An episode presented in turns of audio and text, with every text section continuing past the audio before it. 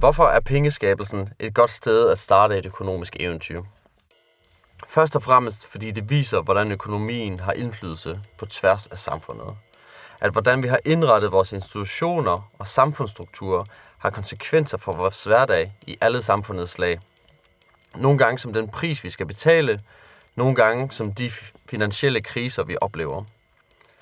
Yderligere viser pengeskabelsen, at økonomien ikke er, som vi forestiller os. En af vores største finansielle institutioner, altså bankvæsenet, fungerer ikke, som de fleste går rundt og tror. Heller ikke politikere. Det er et levn fra fordoms tid, at banker tager penge fra en reserve og dermed låner dem ud. Nej, i dag skaber de kreditpenge ved at trykke på taster. Det er med til at puste finansbobler op, og dermed øges risikoen for, at økonomiske strukturer i samfundet bryder sammen. Vi har med at gøre med et emne, der har en lang historie. Verdens første bank kom til lige før 1600-tallet, så det er en veletableret institution i vores samfund.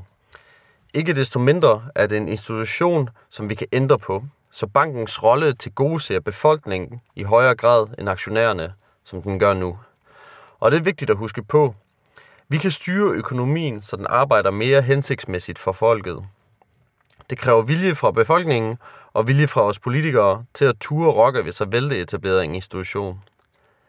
I første omgang kræver det en bevidsthed om problemet, herefter handling. Vi starter med den første omgang og bliver klogere på problemet. Til det hjælper den dygtige i Braun, som har en unik evne til at formidle et ellers kompliceret emne. Jeg blev overbevist om at skulle have Ib med, efter at have hørt flere sige, at de blev interesseret i økonomi, efter at skulle have hørt ham holde oplæg om pengeskabelsen. Sådan gik det også for mig, og jeg håber, at det samme sker for dig. God fornøjelse. Velkommen til dig, i Braun. Du skal jo snakke lidt om øh, pengelskabelsen her i dag. Øh, men kan du give en kort introduktion, hvordan øh, du er kommet ind på det økonomiske felt? Fordi det er ikke din uddannelse, vel? Nej, det er det ikke. Altså, jeg, jeg er jo lektor på øh, DPU, altså Danmarks Pædagogiske Universitet, som er en del af Aarhus Universitet. Og øhm, det, det underviser jeg i øh, øh, ressourcepsykologi og motivation og facilitering af gruppeprocesser. Men altså, ligesom så mange andre mennesker, så spidsede jeg øren efter finanskrisen og tænkte, hvad er det, der mm. foregår her?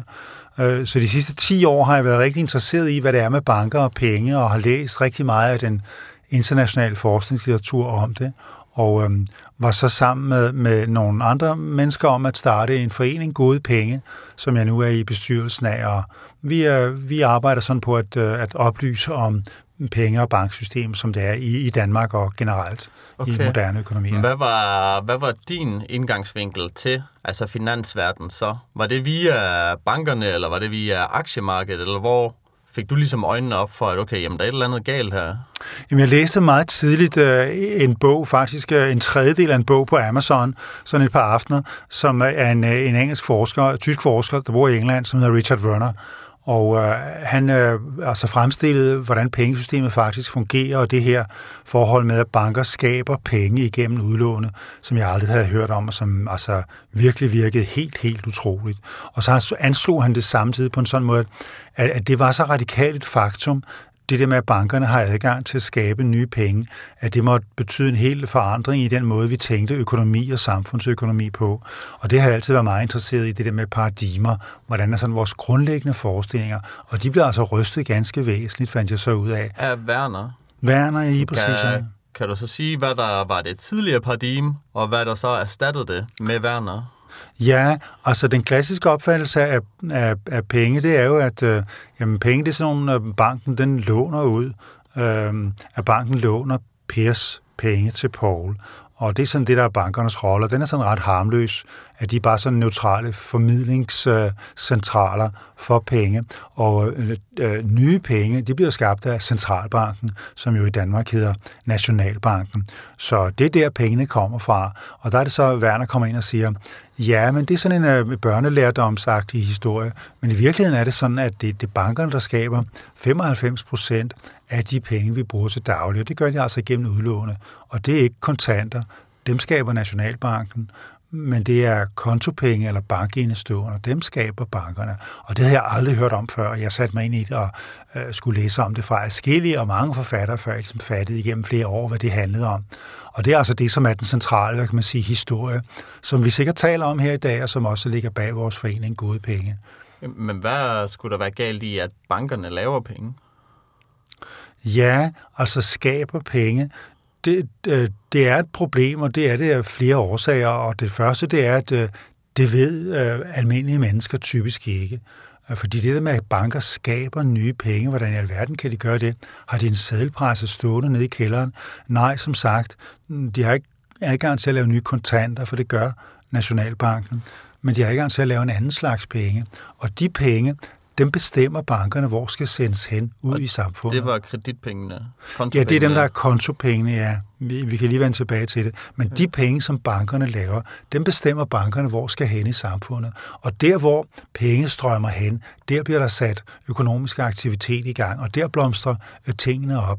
Og det er altså meget ofte meget uhensigtsmæssigt sted, at banker sender pengene hen. Og for tiden er det blandt andet ind på boligmarkedet, og de så opkøb af aktier og obligationer. Så dem, der har dyre boliger og kan købe aktier og obligationer, de får flere penge, end de havde i forvejen, for det er det, som er bankerne, øh, det er det, som bankerne gør, stiller penge til rådighed gennem udlån til de sektorer. Det betyder hele, altså finanssektoren, og dem, der har mange penge i forvejen, de får flere, fordi bankerne gør de her ting, og har gjort de, de sidste adskillige årtier. Så det er i sig selv et ulighedsskabende øh, fænomen der, og, og meget destabiliserende også, og det kan vi komme ja, tilbage men, til. Men gør banken egentlig ikke bare dets arbejde, når det udlåner penge til de forskellige mennesker? Fordi de har jo en vis risiko i forhold til at låne pengene ud.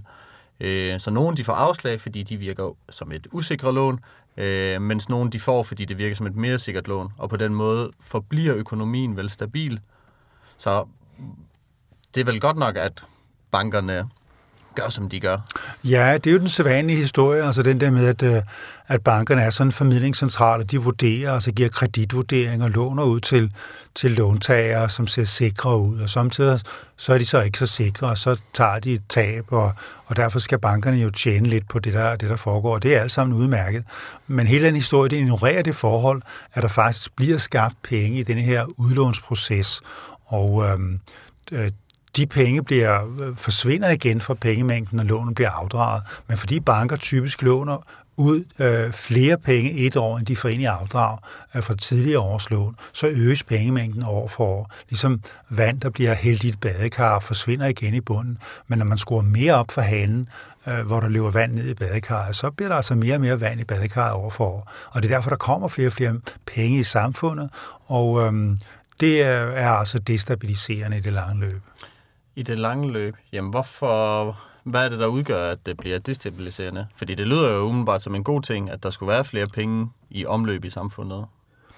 Ja, det er i hvert fald en god ting for dem, der har adgang til dem. Og det var det, jeg sagde før. Hvem er det så, der får stillet alle de her penge til rådighed? Og det, som vi har set de sidste mange årtier, både i Danmark og internationalt, det er, jamen, hvor er det egentlig, pengene ryger hen? Altså, hvis man er en lille øh, iværksætter, øh, som har en idé til noget godt software. Man har tre kammerater, og man finder ud af, at vi kan sikkert lave et eller andet her, som kan blive en kæmpe eksportsucces. Så skal man ikke regne med at kunne låne 3 millioner i banken, for det gør banken ikke længere. De stiller ikke øh, råd, eller lån til rådighed for små og mellemstore virksomheder i samme grad, som de gjorde før. Banker vil meget hellere låne ud mod sikkerhed. Og hvor kan de låne ting ud mod sikkerhed? Ja, det er til fast ejendom, øh, til landmænd med jord og øh, til folk, der gerne vil købe boliger. Og derfor låner de så penge ud der, og det gør de mere og mere og i stigende grad, og derfor stiger boligpriserne så helt vanvittigt, som de gjort. Altså, boligpriserne er på det nærmeste mellem 8 og 10 dobbelt over de sidste 30 år. Og øh, der kan man godt spørge sig selv, at det er rimeligt overhovedet. Ja, ja. Og samtidig så er realløn, den er jo kun steget sådan noget, hvad, 125 procent, synes jeg. Ja, den er, ja, den er sikkert fordoblet cirka over den periode. Okay. Ikke? Med, hvor, har det nogen sammenhæng med, så når der sker nogle af de her boligkriser, altså hvor lige pludselig så eksploderer boligmarkedet bare, og folk kan ikke tilbagebetale deres lån? Altså, er det noget, der er uafhængigt af pengeskabelsen, eller har de en forbindelse? Jamen, de har en meget stærk forbindelse, og det er her, det bliver sådan en ny måde at tænke økonomi på, for det siger de fleste økonomer, der er ikke sådan nogen nødvendig forbindelse der. Men altså det perspektiv, som, som Werner anlægger her, og flere andre, hvad skal man sige, kritiske økonomer også peger på, men det er, at øh, fordi bankerne er i stand til at skabe penge gennem udlånet og kanalisere den ind på, ejendom, på markedet for fast ejendom, primært boliger, så bliver der skabt en boble der. Det betyder, at, at ting bliver dyrere og dyrere øh, i forhold til, øh, øh, hvad de rent faktisk er værd. Og, og det er jo derfor, en, den samme lejlighed i dag, 30 år senere, koster 10 gange mere, end den kostede for 30 år siden, selvom der ikke nødvendigvis er gjort noget særligt ved den. Så på den måde bliver der, bliver der skabt bobler på det her område. Og det, der så sker, det er, at når, når banker låner for risikabelt ud, og det gør de, når tiderne er gode, så er de helt vilde efter at låne flere og flere penge ud. Og det var det, der skete op til finanskrisen i 2008, at bankerne var på markedet for nye kunder og flere kunder. Og det vi så i USA, det var de her subprime-lån. Jamen der var, var, var de her selskaber, som solgte boliglån, jamen de var ude efter narkomaner og striber og hjemløse, som alle sammen kunne få et boliglån, og der var historier om, at en striber havde fem boliglån for eksempel, øh, fordi øh, hvis hun holder sådan en lån et år, så kan hun sælge det til 20 procent mere til næste år. Så der er ikke noget problem med bare at købe boliger til højere og højere priser. Og det ja. er oppusning af boligbobler, og de springer på et tidspunkt, hvor der er nogle låntager, som ikke kan betale de her lån tilbage. Og så breder den øh, marko, den manglende øh, indbetaling sig som en steppeild igennem hele banksystemet, og så falder bankerne en efter en. Og det var det, vi så i USA. Okay. Og som bredte sig til Danmark. Ikke nær så alvorligt, men det er det, der er risikoen. Ja, men hvorfor øh, så får jeg den tanke, altså, hvorfor laver pengene så, eller hvorfor laver bankerne så ikke bare penge til at betale de lån, som ikke er blevet indbetalt? Det må de vel også have mekanismen til. Hvis de kan lave penge til andre folk, så må de vel også kunne til sig selv. Det kan de ikke. Altså, banker laver kun penge gennem udlånet. Så der skal være en låner i den anden ende. Øhm, Hvad så, hvis banker låner til hinanden? Ja, det hjælper ikke. Det kan man ikke. Okay. Altså, der var en, en, en, et, et kendt tilfælde med Barclays Bank, som havde øh, øh brug for at få øh, udvidet deres øh, aktiebase, altså kapitalbasen, og fik så overtalt øh, øh et, en arabisk øh, suveræn fond øh, til at købe øh, for flere milliarder øh, pund øh, af deres aktier, som de så øh, lånte til øh, denne her fond øh, som så til gengæld købte aktier, det vil sige øgede bankens egenkapital, så det blev mere øh, bedre kapitaliseret banken, og, og selv det er svindelagtigt. Men altså, banker kan ikke skabe penge til sig selv som sådan. De skaber dem gennem udlåne, så de skal altid have en låntager. Og, og den proces, den proces du, det er svindelagtigt? Altså, hvorfor er det ikke bare banken, der er god til at skabe eller skabe noget, øh, ja, noget kapital til sig selv, hvis ja, der er problemer. men det, må ikke, altså, det samme gjorde sig gældende med Roskilde Bank i Danmark, at de også overbeviste øh, nogle låntager om at købe aktier i banken selv for de lån, som de gav den, og det må man altså have. Fordi man er en bank? Ja, jeg ved sgu ikke, hvad detaljerne er, men formodentlig fordi det er ikke det, der er meningen med et lån, at vi skal øh, konsolidere os selv på den her måde. Okay. Så Okay, jamen jeg overvejer nemlig bare, hvad forskellen er på det, og så komme ud og finde noget funding. Altså, fordi det er jo sådan, de fleste banker starter vel, det er, at de siger, okay, vi vil gerne starte en bank, vi skal have fundet en masse investorer, som gerne vil investere i banken, og så vi har det her startkapital, vi kan begynde at låne lidt ud af. Øh, at det lyder meget, ja. Og, og det startkapital må man ikke selv skabe gennem udlånet, fordi det skal være reelt. Det skal være investorer, som er villige til at købe aktier eller andel i banken, hvis det De skal være der i forvejen. Ja, det er penge, som de henter et andet sted fra, som de køber aktier i banken for, og som dermed bliver bankens egen kapital, på baggrund af hvilken banken nu kan gå i gang med at låne penge ud. Ikke? Okay. Hvordan, det er vist en uh, almen forståelse, det der med, at banken den har de penge, den låner ud. Øhm, men det er en misforståelse. Ja, det, det, det der er forståelsen, og som vi klassisk forestiller os, det er, at hvis jeg øh, arver en halv million kroner øh, fra min tante Erna og sætter dem ind i banken, så har banken den halve million kroner at låne ud af, så det er den glad for. Ja. Så det var det, jeg sagde før. Banken låner Pers, det vil sige mine penge, ud til en anden men det er ikke direkte sådan, det foregår. Og man kan jo som lytter her øh, erindre sig, er man nogensinde blevet ringet op af banken, eller har man nogensinde hørt, at banken har sagt, ved du hvad, jeg kan se, du har 500.000 stående på din konto. Må vi ikke tage 300 af dem og låne ud til denne her iværksætter Iver, som skal i gang med et projekt? Jo, jo, det må du gerne. Nu har jeg så 200.000 mindre på min konto. Sådan foregår det jo ikke. Og det er det, man umiddelbart tror, det foregår. Men, og jeg kan godt forklare, hvordan det i virkeligheden foregår? Det må du meget gerne. Okay. Jeg lige en indskudt bemærkning. Men det er vel også, fordi man lige så snart man sætter pengene i banken, altså jeg vælger jer som min bank, så giver man dem vel tilladelse til, at okay, I administrerer bare mine penge til udlån, eller hvad I nu synes, I skal gøre med dem.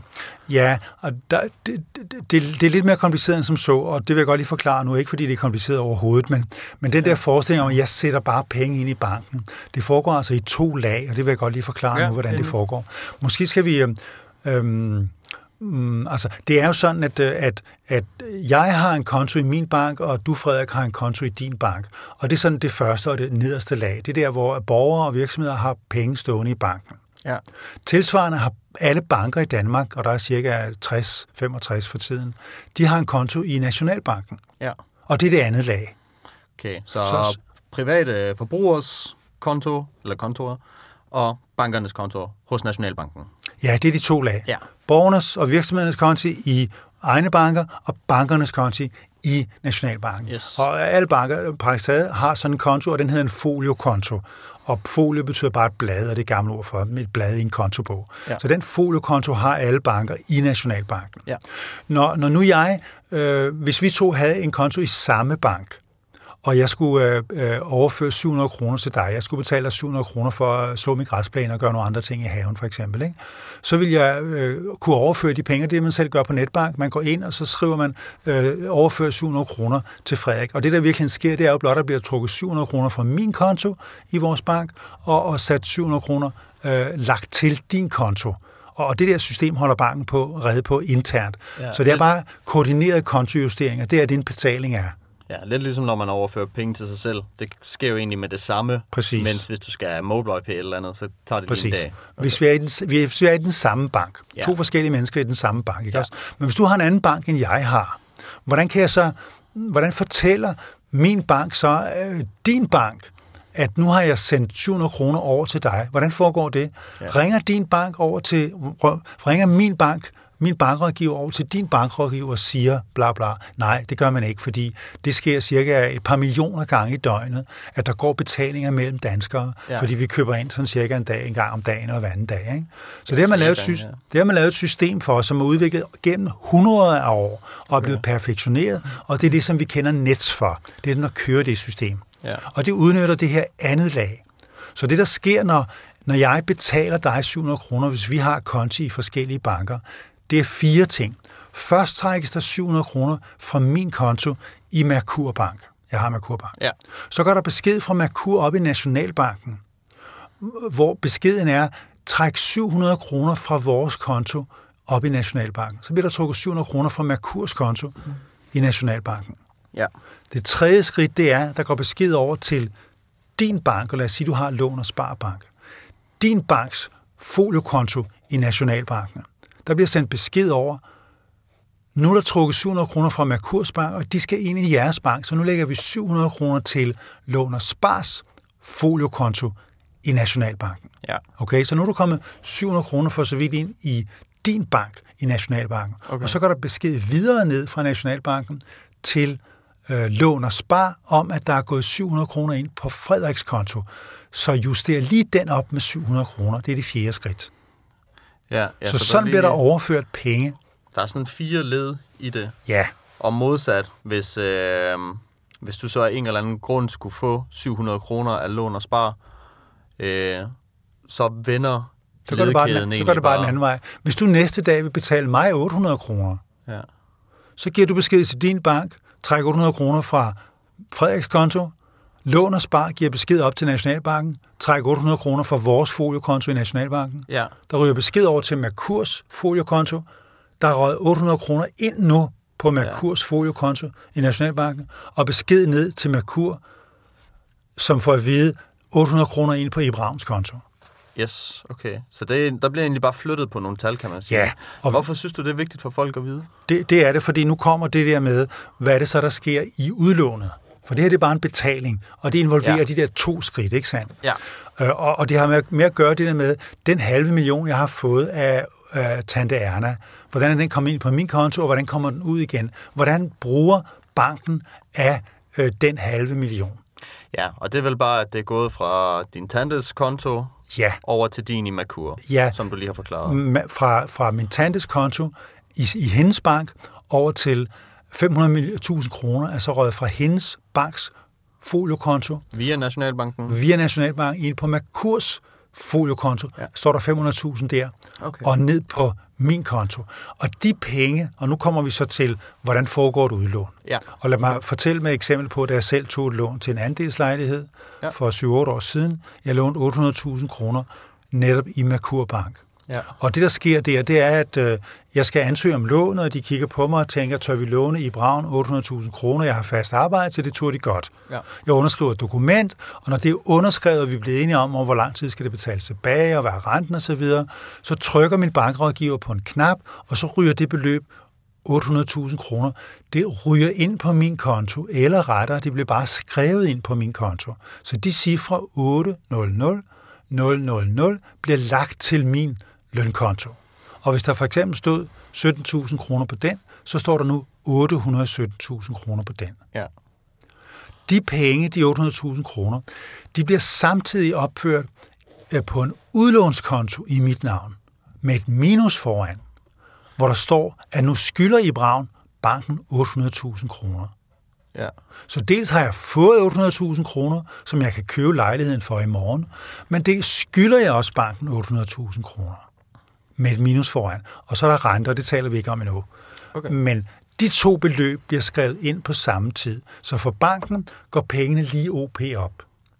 Men sagen er, at de 800.000 kroner, som er skrevet ind på min konto, de er ikke taget fra nogen anden konto i banken i det øjeblik. De er bare opfundet, så at sige, ud af den blå luft, mod at jeg samtidig siger, jeg skal nok betale dem tilbage med det der minus foran de 800.000 kroner på min udlånskonto. Ja, og det er så der, man kan sige, at banker laver penge ud af den blå luft.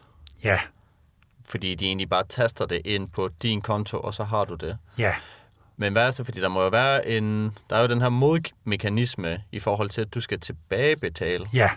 Men hvad... Det er jo det, er jo det der med, at der er dårlige låntagere, som ikke får tilbagebetalt. Ja, lad os vente lidt med det, og lad os lige dvæle ved det der, for det er meget rigtigt. Altså, man hører jo også samtidig, at penge bliver jo skabt ud af gæld, og hvad fanden betyder det egentlig? Ja. Ikke? Og, og det betyder lige præcis det, jeg sagde her, at de 800.000 kroner, som banken skriver ind til øh, på min lønkonto, som jeg kan bruge af. Jamen det er det, en bank gør, og det er der, der er det, det, det, det smarte ved en bank, og det som bank har udviklet sig til over 800 år, det er, at den kan det, mod at jeg samtidig øh, godkender det der øh, gældsbevis, som det faktisk er. Jeg har en udlånskonto, hvor der står, jeg lover at betale de 800.000 kroner tilbage. Ja, plus Øhm. lidt ekstra endda. Hvad siger du? Plus lidt ekstra endda. Plus et ekstra med renter, ikke sandt? Okay. Okay. Så, så på den måde, så er det nye penge, banken har skabt til mig, men altså mod min lovning på, at jeg skal nok betale dem tilbage. Og det er så det, der sker. Det er, at banken skaber nye penge, og jeg, når jeg afdrager det lån over de følgende år, jamen så forsvinder de penge ud af pengemængden igen. Mm, ja, mm, det forstår jeg så ikke helt, fordi de penge, de kommer jo tilbage til banken, så de får vel også en eller anden værdi af, at du tilbagebetaler. Altså, det virker bare counterintuitivt, at de penge, du har og giver til banken, at de skulle forsvinde. Altså, hvor... Nu skal jeg forklare det. Nu skal Ja. jeg forklare det. Der står 800.000 kroner på min øh, indlånskonto. Ja. Vi skal lige trække et skridt tilbage og forklare, hvad er pengemængden egentlig? Ja, Øh, hvad vil det sige, der er penge i Danmark? hvad er pengemængden? Og det der med at øge den og formindske den igen, hvad er det med pengeskabelse at gøre? Så vi skal lige skelne mellem to slags penge, vi fik antydet det i starten her. Dels er Ja. der kontanter, altså mønter og sedler, og dem kender vi alle sammen. det var dem, Nationalbanken lavede. Det, de, de, dem laver Nationalbanken, ikke også sandt? Og dem har vi nogle, nogle stykker af. Vi har alle sammen nogle pengesedler liggende i en skuffe, eller vi går måske med dem i lommen, det er der færre og færre, der går. Vi har ikke særlig mange kontanter. Og, og det gælder også øh, i hele samfundet, og det har Nationalbanken tjek på, og de siger, at for tiden er der sådan cirka 65 milliarder kroner i kontanter i ja. omløb. Så det er et beløb. 65 milliarder kroner ja. i kontanter. Men, men der er også en anden slags penge, som vi også kender, og det er dem, som vi har adgang til ved hjælp af vores dankort og vores øh, mobile pay og vores øh, overførsel og køb på nettet via vores bankkonto. Og det er jo altså dem, vi taler om som kontopenge, Ja. bankindestående. Og hvis jeg har øh, 700 kroner i kontanter, og det er højt sat, jamen så har jeg måske 7.000 eller 70.000 kroner stående på min bankkonto. Hvis man Ja. er ung, har man 1.700, hvis man er gammel, har man 170.000 eller 1,7 millioner stående på en konto Ja. øh, i banken. Så, og det er kontopenge. Så det er to forskellige slags penge. Og, og det vi taler om her, det er, at de der kontopenge, det er dem, der er det interessante, for det er dem, der er faktisk temmelig mange af. Og det har der ikke altid været. For 120-30 år siden var der cirka en milliard kroner i kontanter i omløb i samfundet, okay. sammenlignet med de 65 milliarder, der er i dag. Så altså meget, få, meget færre kontanter, men tilsvarende også meget få kontopenge, cirka en milliard også. Sådan cirka lige mange. Okay, så der var de 1 omkring til 1. århundredeskiftet. Ja, cirka okay. 1 til 1, ikke sandt? Altså århundredeskiftet ved 1900? 1900, for 120 år siden, ikke? 1 til 1. Ja. Øhm, men siden da er mængden af kontopenge steget gevaldigt, og den er i dag oppe på cirka 1400 milliarder kroner. 1400 milliarder. Milliarder, ja. ja sammenlignet med de 65 milliarder, som der var i kontanter. Så det er sådan cirka 20 gange så mange kontopenge i dag, som der er kontanter. Ja. Og, og, og der kan man så spørge sig, okay, der var 1 milliard i kontopenge for 120 år siden. I dag er der 1400 milliarder. Hvor er alle de penge kommet fra? Ja, det er lad øh, men det, det ved vi jo så til dels. Ja. Det var jo bankerne, der havde udlånt dem. Øh, men jeg vil gerne lige blive ved, hvorfor det ikke bare er netop igen sådan en god ting, at vi har flere penge. Altså, øh, fordi øh, moderne tider er jo mere digital. Man køber mere på nettet, og sådan noget som MobilePay, det synes de fleste jo nok er hammerne smart. Øh, så er det ikke bare godt for os, at der er kommet så mange kontopenge, i stedet for at der stadig vil være 1 milliard kan man sige. Jo, det er det altså, fordi med alle de flere ting, vi øh, kan købe, og der er blevet produceret og blevet innoveret de sidste 100 år, øh, de skal jo sættes i værk af et eller andet, og til det er flere penge godt. Øh, så, så vi er endnu ikke begyndt at evaluere, at det er en god idé. Umiddelbart det er det, fordi når der skal ske noget mere økonomisk aktivitet i et samfund, og der skal sættes nye øh, produkter og virksomheder i gang, så skal vi have lidt flere penge. Øhm, det man kan spørge sig om, det er, var det nødvendigt med 1400 gange mere? kunne vi have klaret os med 100 gange mere. Det vil jeg egentlig tro. Men lad det nu ligge. Øhm, ja. Lige nu taler vi bare om, hvad, øh, hvor kommer alle de penge fra? Og det vi har set her, det er, og, og hvis jeg lige må vende tilbage til det med de 800.000 kroner, som nu er blevet skabt på min konto, fordi nu skal vi lige at trække på den der med det der andet lag i pengesystemet også. Ja. Så, så de 800.000 kroner, der er blevet skabt på min konto, øh, dem vil jeg ud og købe en lejlighed for øh, fordi øh, jeg har fået tilbudt en andelslejlighed her af Louise, og øh, den skal hun have 800.000 kroner for, siger vi, at det var her. Ikke? Så øh, de penge får lov til at stå på min konto et par dage, og så bliver det overført til Louises konto. Og det sker igennem foliokonto i Nationalbanken. Ikke? Det vil jo. sige, så, så de 800.000 kroner bliver trukket fra min konto, øh, og så bliver den trukket fra Merkurs foliokonto i Nationalbanken, også 800.000 kroner, og de 800.000 kroner bliver ført, ført over til, lad os sige, lån og spar, hvor Louise også har sine penge stående, øhm, og så ned til Louises konto. Ja. Og nu står der så 800.000 kroner på Louises konto. Og det vi talte om før med, med pengemængden, øh, og det skal vi også lige gøre færdigt. pengemængden er dels summen af kontanter, der er i samfundet, det var de 65 milliarder, men den er også de 1400 milliarder, som er alle kontopengene. Og den sum, jamen det beløb, det, det fremkommer simpelthen ved, at alle bankerne, og det gør de en gang om måned, månedligt, tæller op, hvor mange indestående er der på alle vores konti. Så hvis en, en bank som Merkur har måske, hvad ved jeg, 50.000 kunder, så tæller den, og det gør den jo med at trykke på en knap, hvor mange beløb, hvor mange kroner står der på hver eneste af de 50.000 øh, konti. Det, det summer den op og indberetter til Danmarks Statistik, Men og det gør alle de andre banker også. Er det med eller uden øh, det gæld, de har i vente? Uden gæld. Okay. Uden gæld. Gælden er akkumuleres i et separat regnskab. Okay, ja. det, og, det er, og det er det, der er interessante. Fordi gælden, hallo, hører den ikke med? Jo, det gør den jo på en måde, for det er på baggrund af en gæld, øh, til banken, at den har tur skabe 800.000 kroner til mig. Ja. Men gæld går man ikke sådan ud og køber noget med. Man går ud og køber noget med de penge, der er sat ind på min lønkonto, og det er så det, jeg gør. Jeg køber lejligheden fra Louise. Og nu er de 800.000 kroner ude i systemet. Ja. Ja, Louise har dem nu. Louise har dem nu, ikke sandt? Og hver gang der bliver lånt noget ud fra en bank, så kommer der flere penge ud i systemet, og der står de så ude. Det kan jo være, at Louise, hun afdrager på et gammelt lån med 600.000 af de kroner, og så kommer det ligesom ind igen. Men lige nu er der skabt 800.000 kroner. I den forstand, at det er 800.000 kroner, der ikke var en del af summen af indestående i banken før, øh, i hele samfundet før. For de 800.000 kroner er nye penge. Før kunne jeg kun bidrage til pengemængden i, kontopengemængden i Danmark med de 17.000 kroner, ja. nu bidrager med de 800.000, og at de flytter over til Louise, det er så lige meget. Øh, men nu er der skabt, og det er det, pengemængden i Danmark er øget med 800.000 kroner. Det vil sige, at der er blevet skabt 800.000 kroner. Og det er den forstand, at en bank skaber kontopenge gennem udlånet. Ja, det kan jeg godt se. Øhm, men hvad, der må vel være et eller andet modsvar i, at du tilbagebetaler de 800.000. Ja. Altså dem, der var i samfundet, de kommer også Lad os tale om det. igen. Ja. Og, og det er den der, hvad vil det sige, at jeg har 800.000 kroner stående i gæld der, og der er skabt 800.000 kroner? Ja. Bliver de ikke opslugt igen? Og jo, det gør de i den forstand, at vi har aftalt, øh, mig og banken, at jeg skal måske afdrage med 10.000 kroner om måneden. Det vil sige, at den næste måned, så skal jeg ind og finde på min lønkonto, hvor der jo kun stod 17.000 kroner, så er der kommer noget løn ind også, men jeg skal ind og finde 10.000 kroner. Og det, dem skal jeg så overføre til min udlånskonto. Så når der næste måned står 10.000 mindre på min lønkonto, og der står tilsvarende 10.000 i gæld mindre på min udlånskonto. Så der står nu kun minus 790.000. ja. Og tilsvarende står der 10.000 mindre på min lønkonto. Og de 10.000 kroner, som jeg har betalt i afdrag, som nu står mindre på min lønkonto, dem er Danmarks samlede pengemængde formindsket med. Er det ikke rigtigt? Jo, jamen det, det vender lidt tilbage til en af mine tidligere spørgsmål, det der med, altså fordi dem får banken jo, og det, det er svært at forestille sig, at de bare putter det ned i et eller andet sort hul, og så ser man aldrig de penge igen. Nej, det er rigtigt. Altså, hvor, ja, hvor ender de henne? Jamen, det bliver bare trukket fra min udlånskonto. Okay. Og, er og nu skal vi huske, at det banken tjener penge på, det er renterne, det må vi ikke tale om endnu. Nej, nej. Dem skal Men jeg også det- finde. Jeg vil godt lige holde den sidste med det der med, når... Fordi hvad hvis du egentlig øh, tilbagebetalte det i kontant? Det må du vel gerne.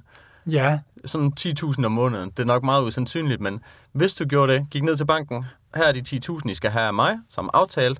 Hvad tror du, de vil gøre med de penge? Jamen altså, de vil gøre som med alle kontanter, som de får ind af øh, random kunder, det er, at de lægger dem op i kassen, og så godskriver de dem den konto, de er blevet sat ind på. Så det forandrer ikke noget. Okay, så det bliver bare nogle af de sædler, vi hæver Ja, ja. maskinen. Altså, øh, jeg som har fundet de der, eller skaffet de der 10.000 kroner dem har jeg også skulle skaffe på en eller anden måde. Og det har jeg måske gjort, altså jeg kan jo sælge heroin for dem, kan man sige, ikke? Ja, Så er det en del af de der kontanter, der er i omløb i samfundet i øvrigt, ikke? ja. Mm, så, så der sker ikke nogen forandring der. Altså kontopengene bliver stadigvæk, kontopengemængden bliver stadigvæk reduceret med 10.000 kroner, når jeg afdrager på lånet. Ikke? Okay. Men Så får jeg mig jo lidt et billede er sådan nærmest en øh, virvelvind, eller en spiral faktisk. Øhm, fordi lad os sige, at øh, lad os sige, der ikke lige er nogen penge i verden. Øh, og så er der banken, og så er der os to. Øh, og banken, den låner så 10.000 til dig. Så har vi lige pludselig 10.000 kroner i omløb i systemet. Øh, og dem kan du jo bruge på alverden. Øh, og du skal jo så tilbagebetale banken, men du skal tilbagebetale lidt mere end de 10.000. Øh, fordi der er jo renter. Øh, og så kan jeg jo kun se, at den eneste måde, du kan få flere penge på, det er jo, hvis du får penge af mig. Og hvis jeg skal have penge, så må jeg jo også låne af banken. Så grunden til, at jeg ser sådan en spiral, det er fordi, jamen, den eneste måde, vi kan tilbagebetale med ekstra, eller med betale renten, det er jo egentlig ved, at der er nogle andre, der også har lånt penge, øh, eller skabt penge, og i hvert fald øge mængden, så vi netop kan beta- tilbagebetale den gæld, som er større end vores aktuelle øh, Ja, pengemængde. ja. Altså, jeg forstår, hvor du vil hen, og det du taler om, det er, jamen det, at der også skal betales renter sammen med afdrag, øger det ikke presset på økonomien på en eller anden måde? Jo, men det er det, jeg tænker med, at det er sådan en spiral, fordi man, hvis man kigger på, hvor meget gæld vi har i verden, så må det jo være større end den, eller gælden plus renten må jo være større end den aktuelle pengemængde.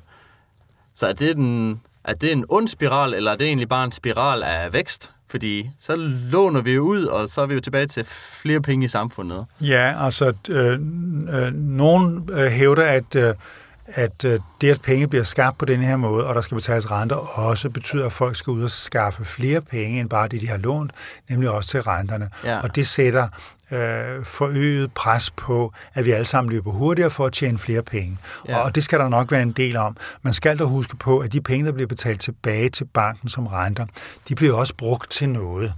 De bliver typisk givet til aktionærerne eller til dem, der arbejder i banken, og øh, kun en del af de penge vil blive brugt igen, og resten vil blive hobet op. Så noget af det kommer i omløb igen. Men jeg tror også, at, altså, at det der vækstpres, som renten øh, øh, siges at påføre samfundet, det er sådan set rigtigt nok. Og så kan man sige, at det betyder ikke så meget for tiden, hvor renterne er så lave, og vi har alligevel økonomisk vækst eller forhåbninger om det i samfundet. Så det er uklart, hvad rolle det egentlig spiller. Men altså, det, det, det er et tvivlsomt system hele vejen igennem, det er der ingen, det er der ingen tvivl om. Men, men det interessante, som vi taler om nu her, det, det er pengeskabelsen, og det der med, jamen, penge bliver skabt, og så bliver de øh, øh, forsvinder de igen. De bliver trukket tilbage, eller retired, som man siger på engelsk, eller destrueret. Man hører sjældent ordet på dansk, fordi vi ikke kender den der bevægelse fra, pengene bliver skabt, og så forsvinder de igen. Okay. Og, og så vil jeg lige runde af, eller sige det der, altså det der med, at, at der bliver flere og flere penge over for år. Hvordan kan det lade sig gøre, hvis alle øh, lånene bliver afdraget? Men pointen er, som jeg sagde før også, at, at der bliver lånt, for hvert år bliver der lånt lidt mere ud, end der gjorde sidste år. Øhm, så, og den stigningstakt med, at der bliver lånt lidt mere ud hele tiden, betyder altså, at der bliver flere og flere penge i samfundet. Og det er det, der forklarer, hvorfor der var en milliard for 120 år siden, og nu er der så 1400 milliarder i dag. Det er, fordi der bliver lånt flere og flere penge ud øh, hvert år, end der bliver afdraget på lån fra tidligere år. Og det er det, der giver den der enorme vækst, og som også har givet den øh, store stigning i boligpriserne, fordi det er især fast ejendom, og boliger, som banker udlåner øh, penge til internationalt, og det er derfor, at boligpriserne stiger så voldsomt. Okay. Men det er jo så boligmarkedet for sig, og jeg kan godt se mekanismen med, okay, jamen, så køber man et, en lejlighed til øh, 800.000, og så når man sælger den, så vil man gerne lige tjene lidt på det. Så hvor banken før kun skulle øh, låne 800.000 ud, så næste gang så skal de låne 850, etc. Så fortsætter det bare, og priserne stiger og stiger. Øhm, men hvad hvis man kigger uden for boligmarkedet? Altså, øhm, lad os kalde det forbrugersamfundet. Altså der, hvor vi køber sko og havregryn. Øhm, er det ikke der, der må det vel være godt for de forskellige virksomheder, at borgerne har flere penge mellem hænderne, hvis de har det. Ja, altså, øh, både ja og nej. Det, det, man siger klassisk, det er, at, at nye penge er godt, hvis der skabes ny produktion, hvis der bliver lavet innovationer i værksætteri, ja. øh, så du får lavet øh, rationaliseringer eller mere effektive eller bedre produkter end dem, du havde før. Det skal der som regel bruges kredit til at starte, fordi sådan en ny produktion, den bliver ikke øh, sat i gang ud af den blå luft eller af folks opsparinger. Det skal man ned og låne i banken til. Og der, hvor der er iværksættere, som gør det, øh, det er godt for samfundet og for mennesker generelt.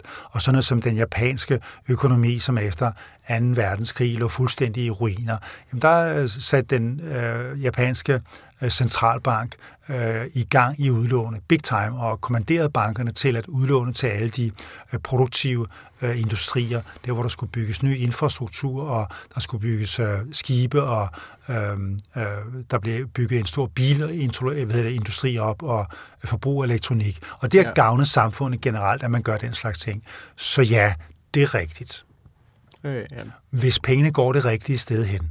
Og, og det vi siger nu, det er, jamen der hvor bankerne Mm, øh, ud fra egne øh, ud fra hensyn til egen fortjeneste, øh, synes, at de vil sende pengene hen, pengene hen. Det er ikke nødvendigvis det, som tjener samfundet. Og det er det, vi ser nu, hvor bankerne sender umådelige mængder af penge ind på boligmarkedet nu, altså i alle moderne økonomier, som betyder, at boligpriserne stiger helt vanvittigt. Og det er dysfunktionelt. Det, det er de fleste vil de fleste være enige i, hvis de forstod af bankernes store rolle i det. Og det er det, der altså er mm, kontroversielt økonomisk at påpege, som vi gør her.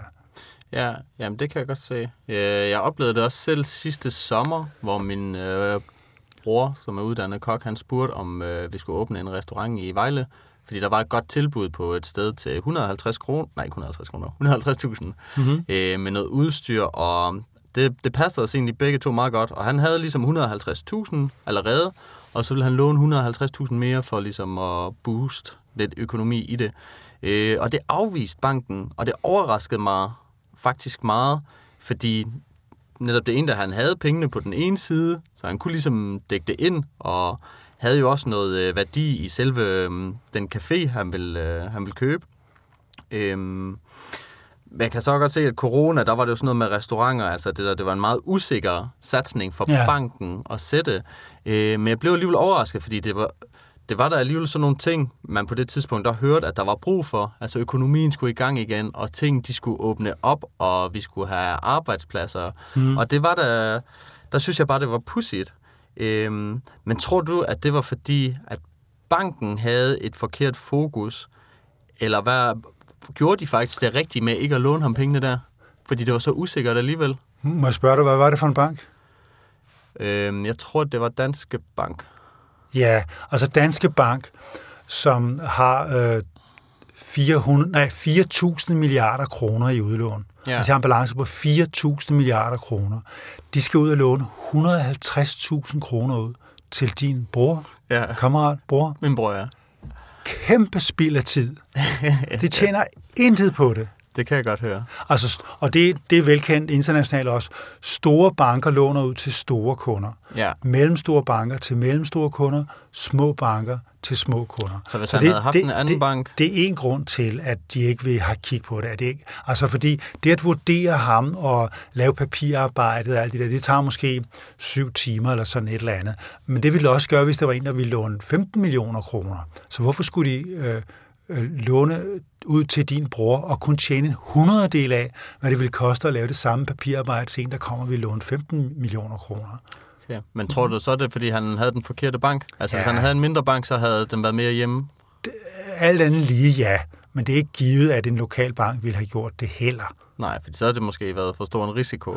Ja, altså under andre omstændigheder er der næsten ikke noget i at låne 150.000 kroner ud. Det, det er så lidt, at det er. Altså okay. du tænker på, hvis de kører en realkreditobligation til 3 millioner kroner for eksempel, så er det også en enkelt handel, kan man sige. Ikke?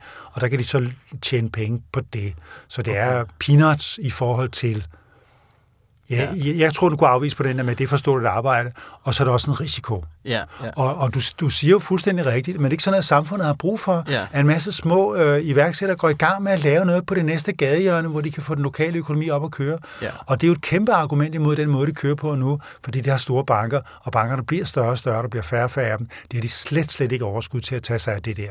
Og det er derfor, de hellere vil have megahandler og store virksomheder og sikkerhed, end at rode rundt med sådan en tilfældig mand, der vil købe en café. Hold kæft, det kæmpe. Spilder arbejder, spilder penge. ikke? Men det var det, bankerne skulle, fordi Ja. ja. hver tiende af sådan nogle øh, caféer, som din bror ser, bliver en kæmpe succes, og Ja. ansætter 30 mand og får virkelig at banke lokaløkonomien op. Ikke? Ja, og servere noget god mad, så vidt jeg ved. Ja, ja, men altså... øh, men, ja. men ja, burde man sådan, altså er det ligesom målet så med, øh, hvad skal vi bruge bankerne til? Altså er det at justere dem, så de passer borgernes interesse bedre end, end virksomhedens? Fordi banker er vel en virksomhed? ja, altså deres egne. Ja, Ja, altså en privat virksomhed. Selvfølgelig. Ja. Altså, mm, vi skal jo alle sammen erkende, og bankerne skal også have det påtvunget, hvis de ikke vil selv, at banker har jo et ansvar, og de skal også gøre godt i samfundet og bidrage øh, til samfundet og til økonomien og til borgernes øh, tilfredshed og blomstring i almindelighed. Ikke? Selvfølgelig skal de det. det. Det krav kræver vi også, stiller vi også til andre private virksomheder, at de skal bidrage fornuftigt til klimaet og til Men gør de det livskvalitet. ved, at de laver penge? Det er da flinkt af dem, at de Ja, det er det, men som vi siger her, hvor er, vores drømme. hvor er det, de sender de lån hen? De sender det ikke ned på det nærmeste gadehjørne, det gør de bare ikke. De låner det ud til folk, der har sikkerhed, og helst så stort som muligt. Og det der med boligmarkedet, det er en rigtig god idé. Så hvis du går ned i banken og bliver om bliver godkendt til at købe en bolig, som er lidt større end den, du har i forvejen, så vil banken rigtig gerne gøre det. Ja. Og så godkender de dig til et pænt stort beløb, og så starter svingmøllen med dig og med de 100 andre, der kommer i samme uge, og de 10.000 andre, der kommer i samme måned i samme by, øh, som alle sammen gerne vil låne lidt større boliger, som kan ja. sælges for lidt mere. Og alt det tjener bankerne jo på. Ja, der er lidt kæde der. Men er det ikke i deres fulde ret? Altså, der tænker jeg sådan lidt det der med... Jeg ved ikke, om det er det frie marked, men altså det der med, vi bestemmer jo, hvem vi vil have som bank. Og vi bestemmer jo, hvem vi støtter på den Yes, måde. yes. Og der er ingen her, der siger, at bankerne gør noget ulovligt. Det gør de sådan set ikke. Altså Nej. alt det, vi beskrevet, beskrevet her, det er fuldt, fuldt ud lovligt. Ja. Og det er simpelthen sådan, det er. Det, der er bare påfaldende, det er, at vi ved ikke, at det er sådan. Og vi ved ikke, at banker... Der er rigtig mange mennesker, og herunder politikere, der ikke ved, at bankerne skaber penge, og de gør det gennem udlånet, og det er dem, der bestemmer, hvor udlånet ryger hen, og det er dem, der- også dem, der bestemmer, hvor alle de nye penge ryger hen. Og når pengemængden vokser og vokser, og vi får flere og flere penge mellem hænderne, jamen hvor er det, vi får flere penge mellem hænderne? Det er på boligmarkedet. Det er på boligmarkedet, at priserne fordobles sådan cirka hver femte eller 8. år. Og ved folk det, at det er bankernes ansvar, og det er deres bankernes valg at gøre det, Det ved de fleste mennesker ikke. Ja. Hvad tror du, der dækker over det der? Fordi det er jo, det er jo pudsigt det der med, okay, jamen, så har jeg en øh, lejlighed, jeg ejer en lejlighed, og så går der et år, og så er den steget i værdi. Hvor kommer den værdi fra? Fordi det er jo den samme lejlighed. Er det fordi nabohusene er blevet dyrere? Altså jeg ved, der er nogen, de renoverer, og så okay, så kan man godt lige tillade sig lidt ekstra. Men det der bare, at den står, det får dem jo også til at blive mere værd. Det er absurd. Ja. Men vi ved jo nu hvorfor. Det er fordi bankerne hver eneste gang, der kommer en ny kunde ned, så godkender de kunden til at tage et lidt dyrere lån, end ham vi godkendte i går Ja. og i forgårs og sidste år. Fordi vi ved, at priserne stiger på boligmarkedet, og derfor tør vi godt godkende nye boligkøbere til lidt større lån end de to sidst, og end vi øh, tillod den samme person, der så lige sådan ud for en måned siden, fordi markedet er på vej op, og det er vi rigtig glade for. Boligpriserne stiger, det tager alle som et sundhedstegn, og det er det jo også, hvis man er i det marked, hvis man er ejendomsmaler eller hvis man er bank, så elsker man, at boligpriserne stiger, fordi ens Ja. salær og den rente og det bidrag, man kan få ud af det, stiger hele vejen igennem. Men Ja. det er ikke til os andres, det er ikke til vores andres glæde. For os bliver det bare dyrere. Og hvis jeg har en dyr lejlighed, skal jeg ud og købe en lejlighed, der er tilsvarende blevet meget dyrere, end den jeg havde i forvejen. Så vi er egentlig ikke netto glade for det, før vi træder ud øh, af markedet, det vil sige, når vi dør. Eller når vi kan få 6 millioner kroner med på plejehjemmet, og så dør vi der syv år senere. Og dem kan vi give videre til vores børn, og det er jo det, vi ser. Øh, Det gør mennesker med, med dyre boliger. De giver dem jo videre til børnene, og de arver dem så. Ja. Og det konsoliderer jo uligheden i samfundet, ikke sandt? At man vokser op og får en masse penge, ikke fordi man laver noget kvalificeret, og man har en god idé, og man arbejder hårdt for det i 30 år. Nej, fordi man har arvet en dyr bolig fra ens forældre. Og på den måde bidrager bankerne også til at øh, øge uligheden i samfundet, fordi flere penge bliver sendt derhen, hvor der var flere penge i forvejen. Og det bidrager bankerne til meget markant.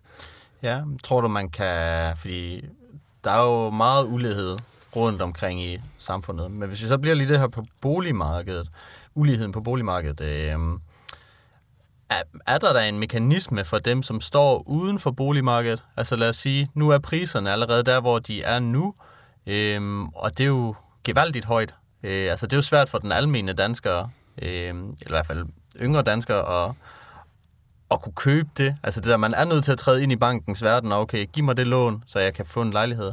Men er der en mekanisme, der skulle kunne gøre det nemmere, altså hvor vi kan ændre i noget lovgivning, eller bankernes øh, metode, der gør, at okay, den almindelige dansker har lidt nemmere ved at komme ind på boligmarkedet? Altså det man jo kunne gøre, det var at sige, lad os se, om vi kan sænke den her stigningstakt, så en bolig ikke koster 10% mere hvert år. Ja. Kan vi sænke den stigningstakt, så en bolig koster cirka det samme som sidste år. Måske lige frem lidt mindre end sidste år, fordi en bolig, sådan et hus, der står ude i 100 år, det bliver meget mindre værd med tiden, hvis det altså ikke det bliver renoveret eller sat i stand. Ja. Så selvfølgelig burde de falde i værdi sådan over 20 år. Ligesom så burde de falde til 5 to. eller 10 procent i værdi, måske 1 procent i værdi om året. Ikke? Ja. Men lige nu stiger de 10 procent værdi. Så det må man kigge på. Hvad skyldes det, at priserne, boligpriserne stiger 10 procent hvert år? Og der skal man ikke kigge særlig dybt, før man må konkludere, at det er bankernes evne til at skabe penge og bestemme over, hvor de penge skal sendes hen. Og der kan man enten vælge at sige, at den evne til at skabe penge skal fratages bankerne og lægges over i Nationalbanken, eller man kan sige, at bankernes evne til at bestemme, hvor øh, lånene skal sendes hen, skal også styres. Så det, er det, man kalder kreditstyring. Og så skal de have ret til at sende penge hen efter for godt befindende, eller skal de pålægges at bidrage til, og det var den sondring, du nævnte før, altså realøkonomien. Skal de pålægges at øh, låne penge ud til øh, øh, øh, virksomheder, øh, som øh, skaber varer og ydelser, Ja. som andre mennesker vil købe og bidrage til bruttonationalproduktet? Eller må de have lov til at sende penge ind i det der finansielle kredsløb af faste aktiver, som bare bliver dyrere og dyrere og dyrere? Og for i princippet det, som som øh, bankerne gør nu, det er, at de sender en masse penge ind på et marked af faste aktiver, som for eksempel også kunne være Picasso-malerier. Ja. Og Picasso-maleri koster 50 millioner kroner det ene år, næste år koster det 60 millioner kroner, ja. næste år koster det 75. Hvad er logikken, og hvad er meningen med det? Det er jo ikke andet end spekulationsobjekter, og det er det, som boliger er ved at blive. De er det ikke helt endnu, men man hørte jo om op til 2008, hvordan folk købte en lejlighed, og ligesom bare lod den stå en ekstra lejlighed, for de der par millioner ekstra, de havde og ikke vidste, hvad de skulle bruge til. Og så solgte de den et eller to år senere til 30 eller 50 procent mere. Ja. Karolina Wozniacki købte en, øh, en, en lejlighed i Florida med nogle af alle sine tennispenge for, jeg tror det var 60 millioner kroner, og hun brugte den ikke rigtigt, eller var måske lidt derovre. Så solgte hun den to år senere for 80 millioner kroner. Og det er jo en fantastisk fortjeneste, 20 ja, ja. millioner kroner, på bare at have en fed lejlighed stående i Florida. og det er, sådan, det er sådan noget, man kan gøre. Og det kan man jo godt spørge om. Er det rimeligt, at bankerne er i stand til at finansiere det der cirkus?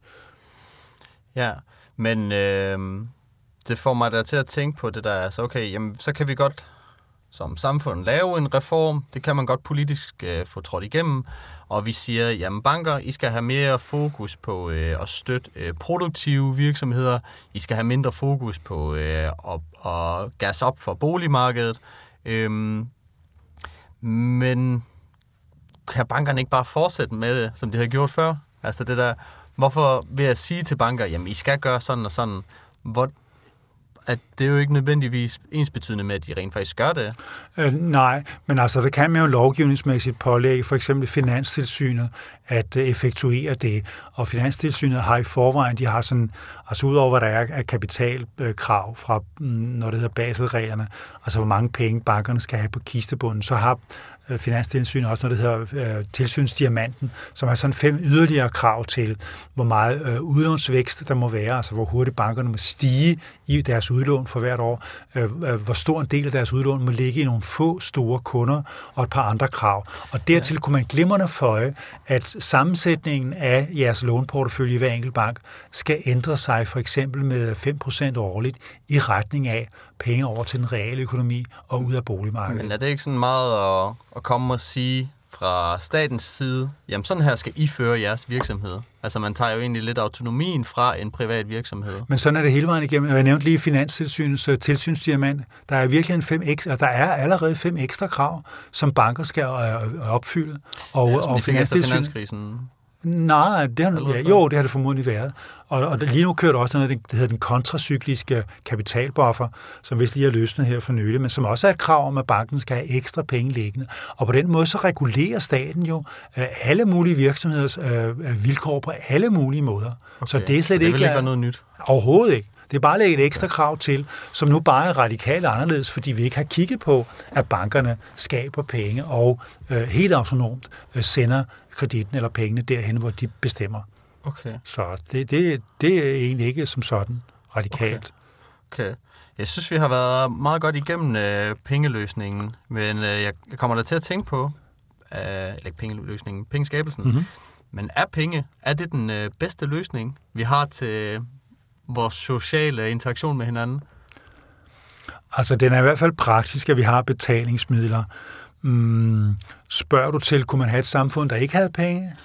Ja, om det vil være ideelt, Ja, kan man godt sige. Ja, altså det, det, det tænker jeg sådan privat, at det kunne faktisk være meget rart. Og man kan jo se på det på den måde, at, at øhm, altså det det her, man kunne se sådan på det, har vi et, et, et vennesamfund, eller har vi et fjendesamfund? Og der kan man sige, at det ultimative fjendesamfund, det er der, hvor alle stjæler fra hinanden hele tiden. Ja. Og så har det ultimative vennesamfund, det er der, hvor alle giver til hinanden hele tiden. Ligesom man gør i den nærmeste familie, hvor man ikke betaler for tingene, men, men de stærkeste skuldre bærer bare de største byrder, og man hjælper hinanden. Og det gør man også i sådan små, tætte vennegrupper, og måske i kollektivet, eller en fætter kusine weekend, der går man ikke rundt og betaler for alting. Man vasker bare op og Ja. kører lidt ind, når der er det. Ikke?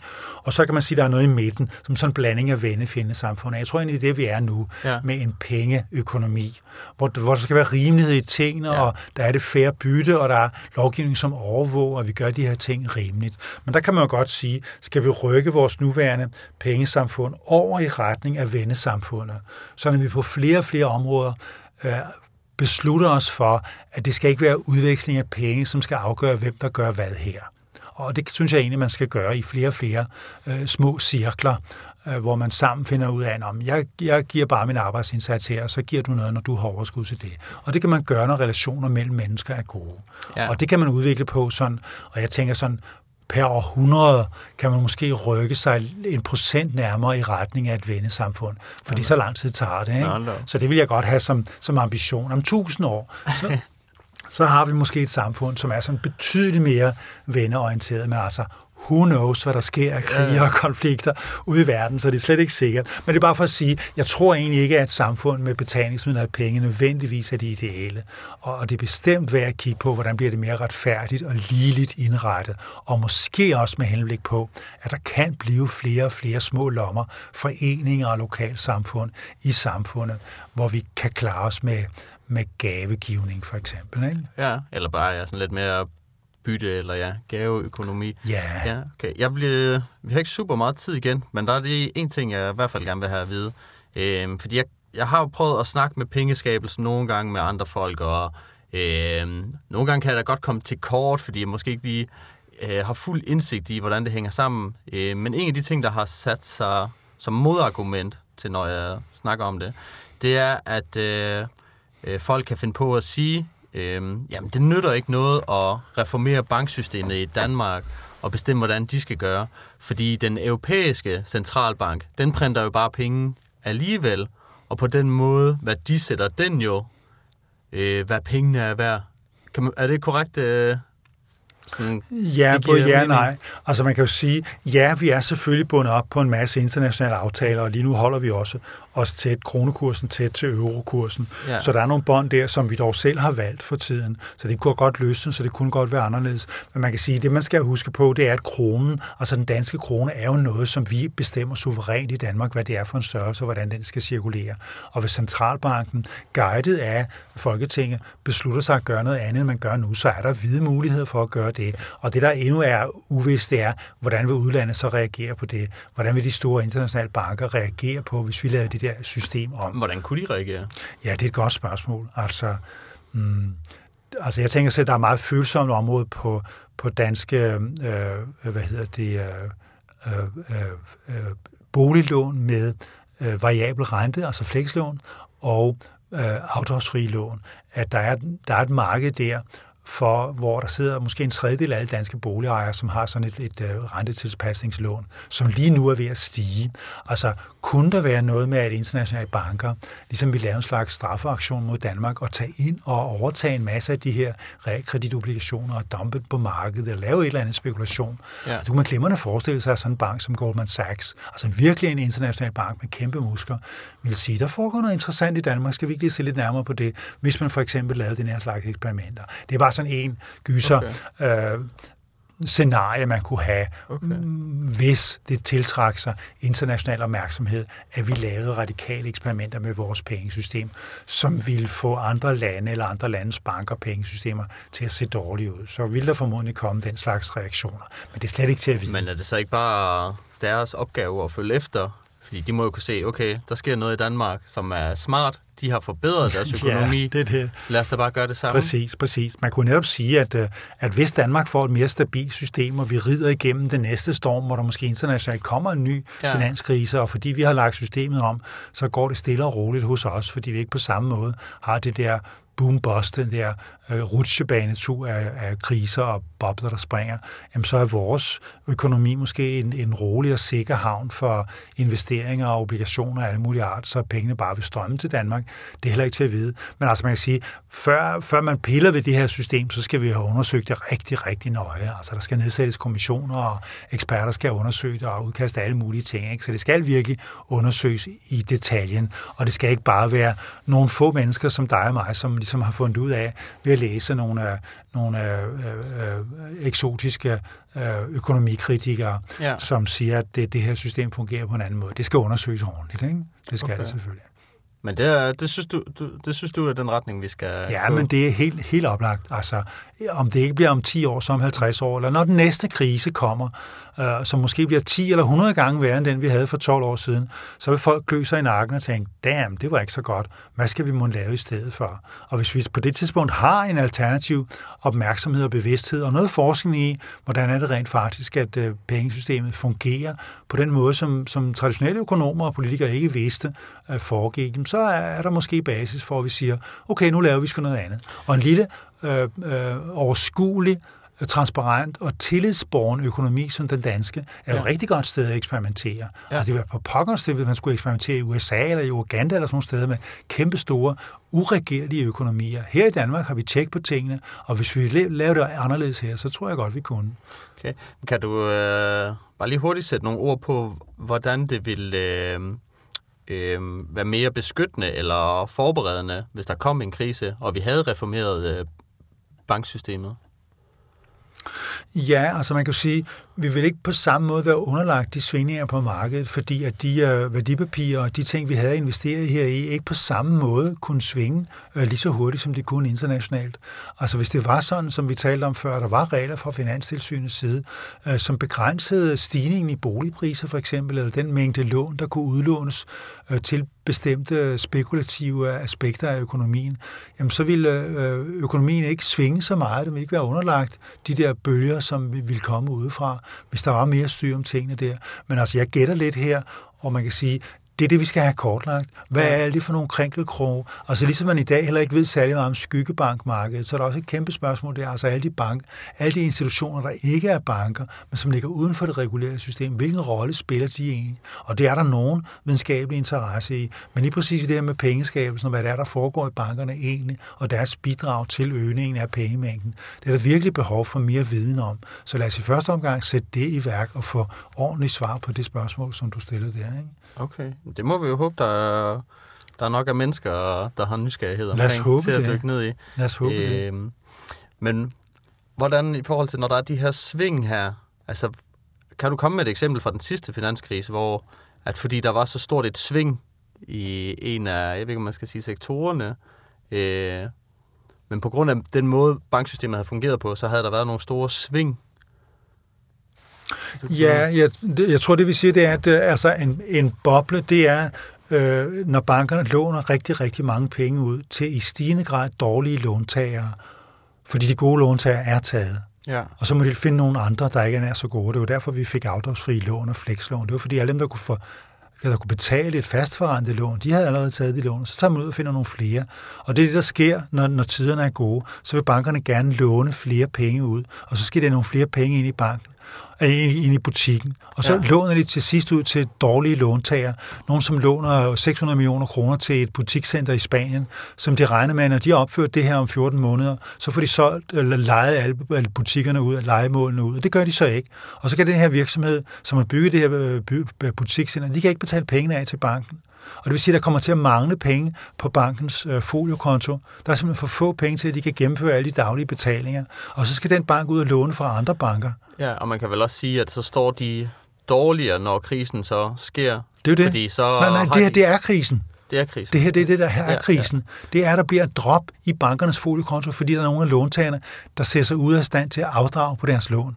Og så må bankerne ud og fonde sig, som det hedder, låne penge fra andre banker for at få fyldt deres foliokonto op. Og det gør andre banker også gladeligt. Men mindre de har mistanke om, at om tre timer, så går den der bank, vi lige har lånt 120 millioner kroner, konkurs, og så har vi tabt vores 120 millioner kroner. Og så siger vi, nej, I må ikke låne 120 millioner kroner. Og så står den pågældende bank med en meget, meget øh, markant lavvand i deres foliokonto, og kan ikke gennemføre deres kunders betalinger, og må derfor stanse gå i betalingsstansning. Og det spreder sig så til andre banker, og på den måde, man siger, at interbankmarkedet fryser til, fordi bankerne ikke længere tør låne til hinanden, ja. ikke længere tør forstrække hinanden, så de kan klare sig med dagens betalinger. Så låser det hele, og det er jo det, der var ved at ske i Danmark, hvor vi fik bankpakke 1, fordi at øh, at øh, staten gik ind og lovede, at alle udenlandske kreditorer skulle nok få deres tilgodehavner øh, dækket øh, i Danske Bank, og det skulle den danske stat nok sørge for, og det beroligede dem, og så kunne systemet fortsætte på den måde. Okay. Og det, kan man det, ikke bare gøre det hver gang, der så er en lille krise? Jo, det kan man godt, og det er det, der hedder bail-out, ikke sandt? Men der har man så også fundet ud af, at ja, man har vidst i 150 år, at når stater eller centralbanker gør det over for bankerne, så lærer bankerne ikke noget af det, og så udlåner de bare vanvittigt igen næste gang. Så man vil gerne teach them a lesson, lære dem en lektie, og det var det, jeg gjorde med Lehman Brothers i USA, ja. hvor finansministeren uh, Hank Paulson uh, sagde nej, vi vil ikke baile Lehman Brothers ud, I må gå konkurs. Okay. Og han arbejdede jo selv for uh, Goldman Sachs, havde været direktør der nogle okay. få år tidligere. Så det er deres store konkurrent, Lehman ja. Brothers, som han trak tæppet væk under i sin egenskab af finansminister, som besluttede, nej, Lehman Brothers, I er gået for langt ud, jeg kan vi ikke bæle ud her, I må falde. Ja, og det, fik, ham. det fik frygtelige konsekvenser for en masse små lånere, og i resten af verden også. Så det er meget, meget penibelt, det der system. Men hvad var der sket, hvis øh, de så havde øh, dækket Lehman Brothers øh, omkostninger, eller det der, de manglede for at kunne...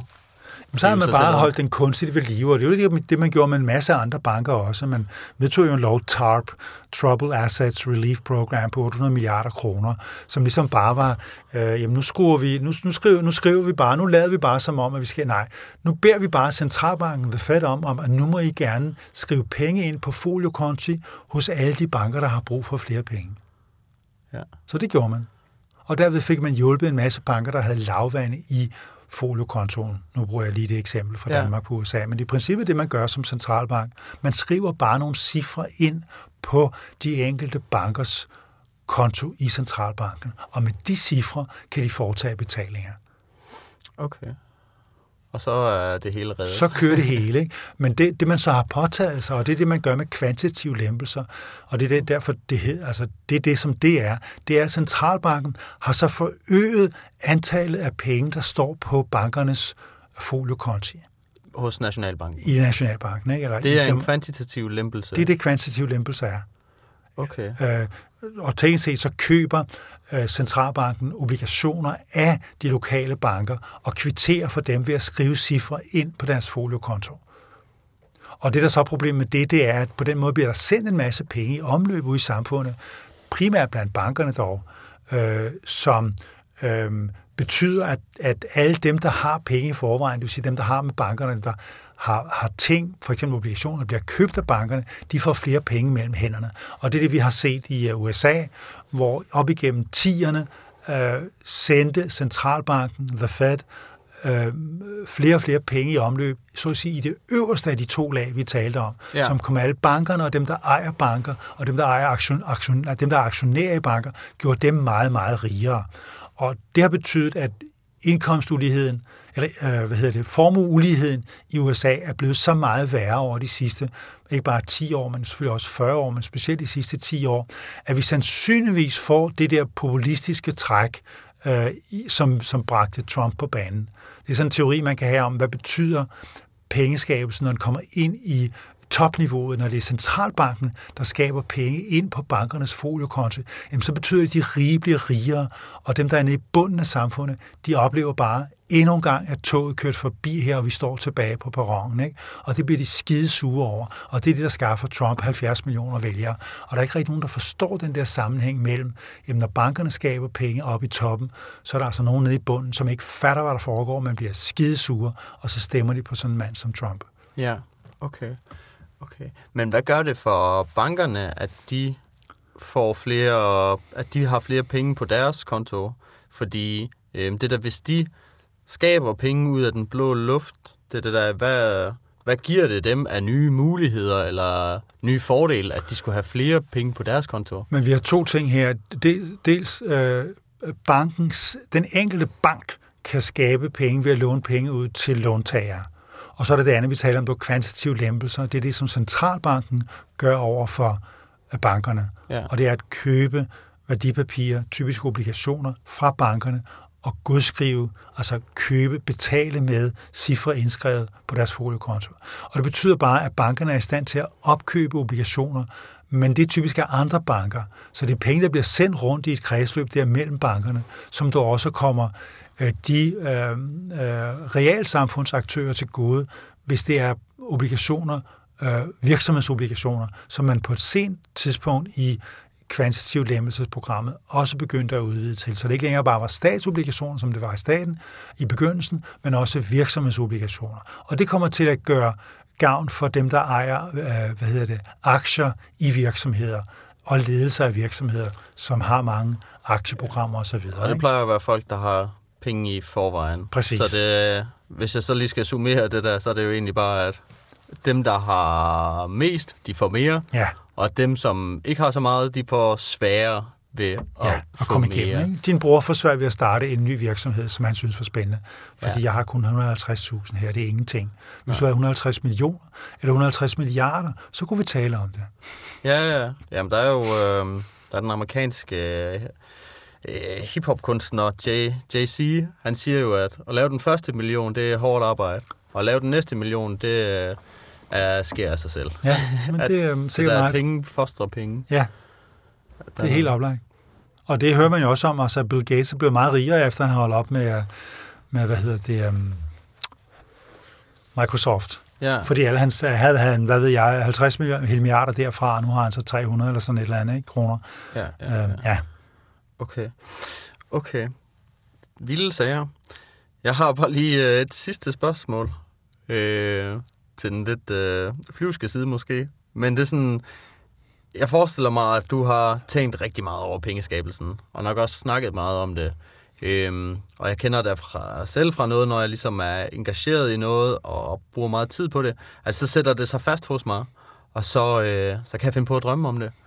Så mit spørgsmål er egentlig, om du drømmer om pengeskabelsen nogle gange? Nej, det gør jeg ikke. Det har du heller ikke nej, prøvet? nej, det har jeg ikke prøvet. Okay. Men det er måske lige, hvordan man skulle gøre det. Hvad Men tror det, du? kan, det kan man da glemme at gøre. Jeg har ikke oplevet, jeg, jeg husker det ikke. Nu husker jeg ikke så mange af mine drømme i virkeligheden. men jeg husker ikke drømme om pengeskabelse. Hvad er drømmescenariet her for pengeskabelsen? Altså, I har et, hos gode penge et reformforslag, men hvad er ligesom den drøm, der kommer ud af det?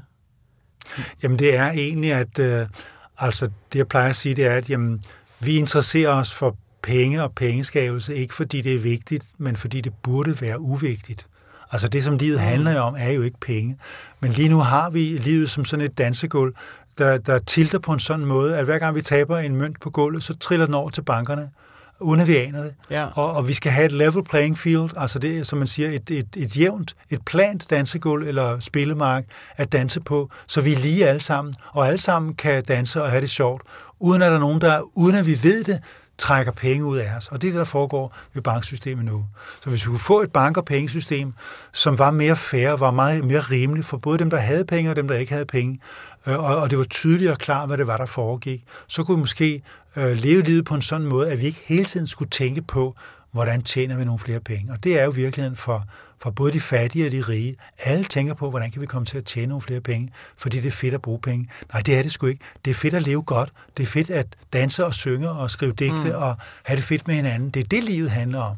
Men for at vi kan komme til det, skal vi have en stabil og fornuftig og rationel øh, penge- og banksystem, der ligger bag det hele. Og det kan ikke gå for øh, hurtigt med at få skabt sådan et. Okay. Ja, efter at have hørt det her, så ønsker jeg i hvert fald rigtig meget held og lykke til, mm. til projektet, og glæder mig til at se, hvad der kommer ud af det. Det kunne da være fedt, at vi fik et mere retfærdigt og Ja. fornuftigt øh, samfund, hvis man bare skal ændre nogle mekanismer ved banken. Ja, Det er rigtigt. tu- jeg siger tusind tak for, at du gad at besøge mig Det var, i en, Braun. det var en fornøjelse, Frederik. Ja, Tak skal det var det. det var, jeg er i hvert fald blevet noget klogere på det. Det er virkelig godt. Ja, Tak. tak.